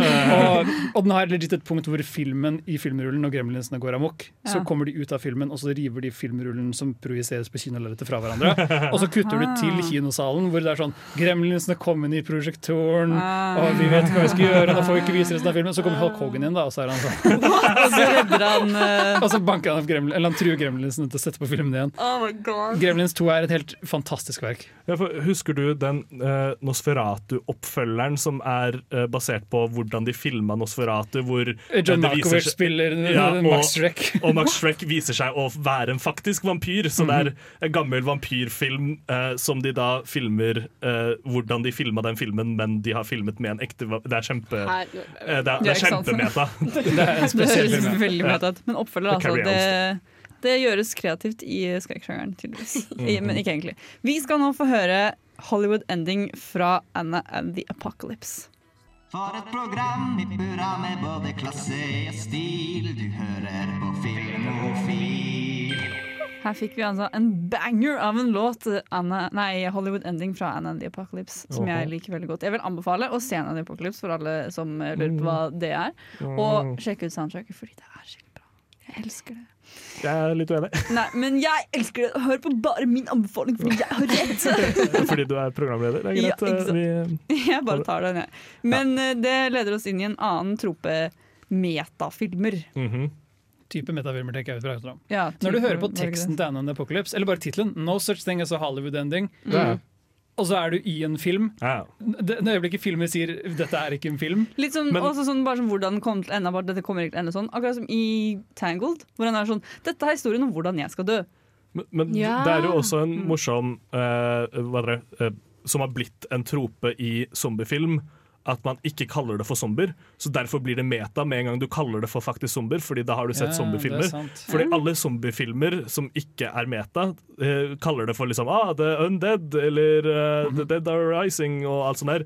Eh, altså I The Walking Dead så heter det jo Walkers og så videre. De kaller det ikke zombier i zombieserien The Walking sant. Dead. Så de sier jo i de to gutta-kompisene sier liksom sånn Oh my god, there's zombies! Og de virker stoka fordi de har sett zombiefilmer. Mm. Anna and the Apocalypse har også en fyr med et kamera som en karakter. Ja. eh, Mm, som som driver og går ut og filmer. Så Ja. Den anerkjenner Jeg måte sitt skjønte eget aldri medium. hva han skulle for noe. Var Ja, han jeg tror det er en parodi eller sånn, det, Jeg tror det prøver å være en vits på found footage. For spørsmålet i found footage er alltid hvorfor filmer folk fortsatt de holder på å dø. Ja. Legg vekk kameraet, liksom. Jeg tror det, det, tror det er litt Ja. vitsen med han karakteren. Men han har jo også sin egen sang om det at han er hekta på telefonen sin. Gjør han ikke det? Det er noen andre. Det er, når, det er en helt annen greie i filmen. ja, jeg men, det skjer også, men det er jo, han vil jo filme dette for at han skal kunne lage den reportasjen når alt er ferdig. Da. Fordi Ja. han, skal, jobbe- han jobber for skoleavisa og sånn. Jo, det, han er en motivasjon, men poenget er bare Jeg tror den er ment som en vits. På en Ja, det kan godt om hende. på det, Ja. det, Legge ved kamera, liksom. Men fordi, eh, sånn jeg forsto det, var liksom sånn introdusere, ah, eh, Hva syns du om min liksom, showreel, som er sånn en, en sammenklippet greie av ting du har laget, som du skal vise til uh, fremtids Det er basically CV for Ja. folk som driver med noe kunstgreie. Mm. Uh, og senere, på slutten av filmen, så viser de hva, de ha, hva han har, og det er så kjedelig. Og jeg bare tenker sånn Ikke faen om jeg hadde hyrt han til noe som helst. Han prøver Det er, det er basically på levelet med liksom sånn Snapchat memories. Det er så jævlig dårlig. Og jeg sitter der bare sånn er dette her, Var dette her liksom Å, han er liksom the prodigal eh, camera artist, liksom? Nei, fy faen. Det var litt dårlig. Musikalen får fort et metaaspekt bare fordi det er så unaturlig å ha noen brutete sang. Mm sang. Så du må gjerne Du må gjerne måtte, gjøre det på enten en veldig sånn Du må enten late som dette Du må bare, du må bare selge det fullstendig, eller så må du blunke litt. Og, og mm, det er også noe med sånn Særlig når du bruker skrekkting som zombier, Mm. så så er det sånn, det er veldig vanskelig å være redd når alle bryter ut i sang. Jeg elsker jo det, det første zombiemusikalnummeret i Anna Apocalypse, hvor, Ja, hvor hun går i gaten. ned gaten. Ja. Og- og- Veldig Shaun of the Dead-inspirert. Ja, veldig, veldig Shaun of the Dead. Eh, Det shotet når Simon Pegg går til jobben, og det er som helt vanlig, bortsett fra at alle er zombier. Ikke Mm, sant? bare at hun her synger. Ja, men det. Og så er det sånn zombie får hodet sitt skutt av en på en husk, og det er kjempegøy. Ja. Uh, og det er sånn Anna the Apocalypse topper aldri det nummeret for meg. men men de, den typen ting blir så veldig sånn blunkete til kamera og anerkjenner Mm. hei, dette er egentlig en farlig situasjon med karakteren. Jeg vet ikke, Men vi som publikum vet at filmen Mm, anerkjenner det. mm, mm, mm. Og det er en veldig sånn grei måte å gjøre metaen på. Men samtidig så er det noe sånn som Rocky Horror Picture Show, ikke sant? som Ja. også er en musikal som er bygget rundt skrekk og B-filmtroper. Ja. Mm. Frankenstein, Frankenfurter, uh, romvesener Ja. Ja, ja, ja. RKO-tårnet, den logoen dukker opp. Ja, det er, det er mye, mye fantastisk. Det er jo Altså, introen er jo at dette her er en double feature, og det Ja, er ikke sant. Ikke sant? Det er jo Den, den de, de synger tar egentlig om hele alt som skal skje i sangen. Ja, de, de, introen er jo uh, en som introduserer en film. Mm. Mm. Altså, og sa, hele starten synger liksom om double feature, som er en kinoterm med at du ser to filmer etter hverandre. Som er liksom, det, det er veldig meta da, i hele greia. Ut ifra det så vokser jo også uh, publikumdeltakelsen som en sånn ting som Ja. Rocky Horror har. uh, måte- en- Det er grunnen til at folk ser den filmen nå, er fordi man vil gjøre Ja, ja. Mm. Mer enn uh, å bry seg om faktisk filmen. Og, og, og, og da får du film, filmopplevelsen blir en metaopplevelse, på en måte. Den blir jo så mye bedre. Jeg, jeg tror det er den beste måten å se Rocky Horror Ja, Picture Show på. absolutt. På- Drita full og med, uh, Med masse en, andre folk. Med en, med en bok med ting du skal rope for skjermen. Det er uh, fantastisk. Og det er noen av de spøkene der som bare Det er scener hvor ikke er morsomme i det hele tatt før du driver og kødder med dem. Mm. Så ja, nei, det er absolutt å anbefale når korona uh, avsluttes, å ta og Ja, rett og slett ta og sjekke ut en screening, en sånn festscreening av Rocky Horror Picture Show. Ja, det vil jeg på. Ja, jeg har-. Jeg har ikke sett filmen, men jeg hadde har- lyst til å dra på det. liksom. Ja, jeg har en billett uh, til eh, det som har bare blitt Samfunnet utsatt. gjør det hvert år, men nå er det korona, Ja, så så det har blitt utsatt. Fuck you guys! Nei, for korona. Ja, Covid-dick. Men nå skal vi få høre 'Echoes' av Kakk Motherfucka. Jeg er Erna Solberg, og du hører på Radio Revolt. Og mer spesifikt så hører du på Filmofil. Vopp, vopp, altså. Ok. Vi har i dag snakket veldig mye om metahorrorfilm. Mm -hmm. Men da er det jo naturlig å spørre seg om, om hva mer som er meta, da, egentlig. Eller hva Mm. som egentlig om noe er meta. Ja, det var et metaspørsmål. Ja, Hva Var det egentlig Nei. Ja, men for du har, jo, du har jo disse filmene som er sånn åpenbare klare til parodier på en rekke skrekkfilmer. Scary Movie-franchisen, for eksempel, hvor Ja. du har The Grudge, du har Skrik. Du har, de refererer tydelig til disse, alle disse skrekkfilmene. Liten fun fact er jo at uh, den første Scary Movie spesifikt Den er liksom Ghostface-morder, den teite maska, Ja. versjonen maska på seg, og så heter den Scary Movie. Og vet dere hva working-tittelen til Skrik var? Ja, for du sa det til oss i går. Jeg vet det, jeg tenkte det var morsommere hvis jeg gjorde det Ja, sånn. ok. Ok, men det, ja, den, den het egentlig Scary Movie eh, under produksjon. Ja, gøy. Vet dere hvem som endret navnet? Nei. Weinstein-brødrene. Oh. OK, uansett. Tilbake til Marte. Jo, for, altså, så man kan jo stille seg spørsmålet Hvor går grensa mellom parodi og meta? For det er jo åpenbart ganske mange av disse metafilmene som er sånn halvveis parodier. Sånn som eh, Cabin in the Woods, for eksempel, som tar veldig mye klare sånn elementer fra skrekkfilmverden. Mm. Og så har du Scary Movie som på en måte gjør det til det mer ekstreme. Scary Movie er på en måte bare Cabin in the Woods hvis alle drev og prompet hele tiden. Ja, det blir jo sånn skits og sketsjer og Ja. Som er det der skrik veldig, Hvis du ikke har Ja. sett den filmen, så er det veldig rart. Det er den ene tingen folk husker fra Scary Movie. Ja, fordi det er, det, tingen er at det er en uh, referanse som vi er for unge til. For det er en det er sånn stoner uh, Ja, den kom i sånn 2002, Scary Movie. 2001. Ja, men det WhatsApp kommer fra noe s- tidligere, sånn stoner-kulturgreie. Som, ja. Det er, men jeg husker bare at det var morsomt fordi eh, ansiktsmasken forandra seg etter hvert Ja. som han uh, Ja. sa det drøyere og drøyere WhatsApp. Ja. Og du har parodi Altså du har The Ring, og så har du de der aliensene som tisser ut av fingeren sin, og det er så mye i Det, Det skjer, ja. Mm. Ja, ja, ja, ja. Når, du, når han ene står med fingeren i munnen. Ja. og- Hvilken film da? Scary Movie. Jeg tror det er en parodi på Science. Ja, jeg tror det. Mm. Så det er sånn Men syns dere dette er innenfor metasjangeren, eller går det på en måte bare rent inn i spoof-sjangeren? For jeg mener det. Ja. Men et spørsmål først, fordi jeg har jo ikke sett disse Scary Movie-filmene. Ja. Mm. Det er ikke skummelt, det det er veldig falsk markedsføring. Nei, men er det sånn eh, du sier Det er jo mye parodier, men er det liksom Er det en handling der, eller er det liksom bare sånn rett på de andre filmene? Det er parodien på en handling. De har Ja, plot-beatsene for å være sånn Vi parodierer en film som har disse plot-bitene. Mm. Okay. Uh, men det er der jeg også mener det er forskjellen på parodi og meta spesifikt. Er at det er, det er ikke et forsøk på å fortelle en historie med karakterer. Mm. Uh, Tucker and Dale prøver faktisk å fortelle et plott, på en måte, Ja. og, og Skrik er på alle måter fungerer greit som en slasherfilm. Ja, ja. Uh, mens Scary Movie er sånn for, Hva er plottet plottet til Scary Movie, Marte? sånn, hoved, hovedplottet er jo denne uh, sånn du skal dø om syv dager. Og så skjer på en måte alle de andre tingene i tillegg, fordi hun der dama fra The Ring bare kommer ut og begynner Å å ja, så alt bare skjer på en gang, Ja, liksom? det er, liksom, det er jo kaosfilm.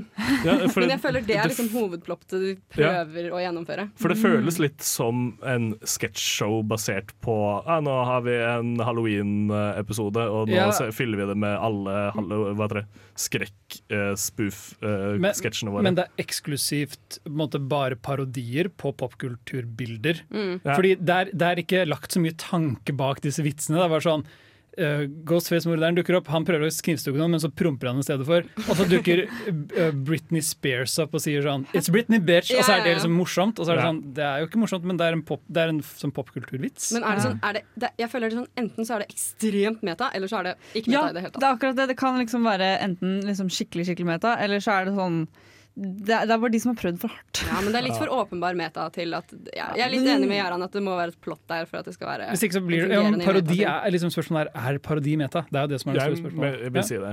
Ja. I essens, på en måte. Ja, Mhm. Du der hjemme får også tenke på det spørsmålet, så får du sende oss en melding på Filmofil på Facebook når du har funnet svaret. Vi skal nå få høre Meth Metal of Fights. Hei, mitt navn er Atle Antonsen. Du lytter til Filmofil på radio Revolt, og det gjør du helt til programmet er ferdig. Og nå er vi dessverre ferdig for denne gangen. Vi har eh, som alltid vært eh, Filmofil. Hvis du vil høre denne episoden om eh, metahorror på nytt, så finner du oss der du hører podkast og på radiovolt.no. Mhm. Og neste uke så skal vi snakke om mørke barnefilmer. Fordi Wendy kommer ut, som er en ny adaptasjon av Peter Pan. Er det ikke det? Ja. Jo, det blir jo det. Ja, riktig. Ja. Ja. Takk, takk. Det var meg. Nei, og så hjemmeleksa da blir Coraline, fordi den er en litt mørk barnefilm. Ganske mm. mørk barnefilm. Vi har vært Filmofil, takk for i dag, og så ses vi neste uke. Og på vei ut skal vi høre Slime av Shy Girl.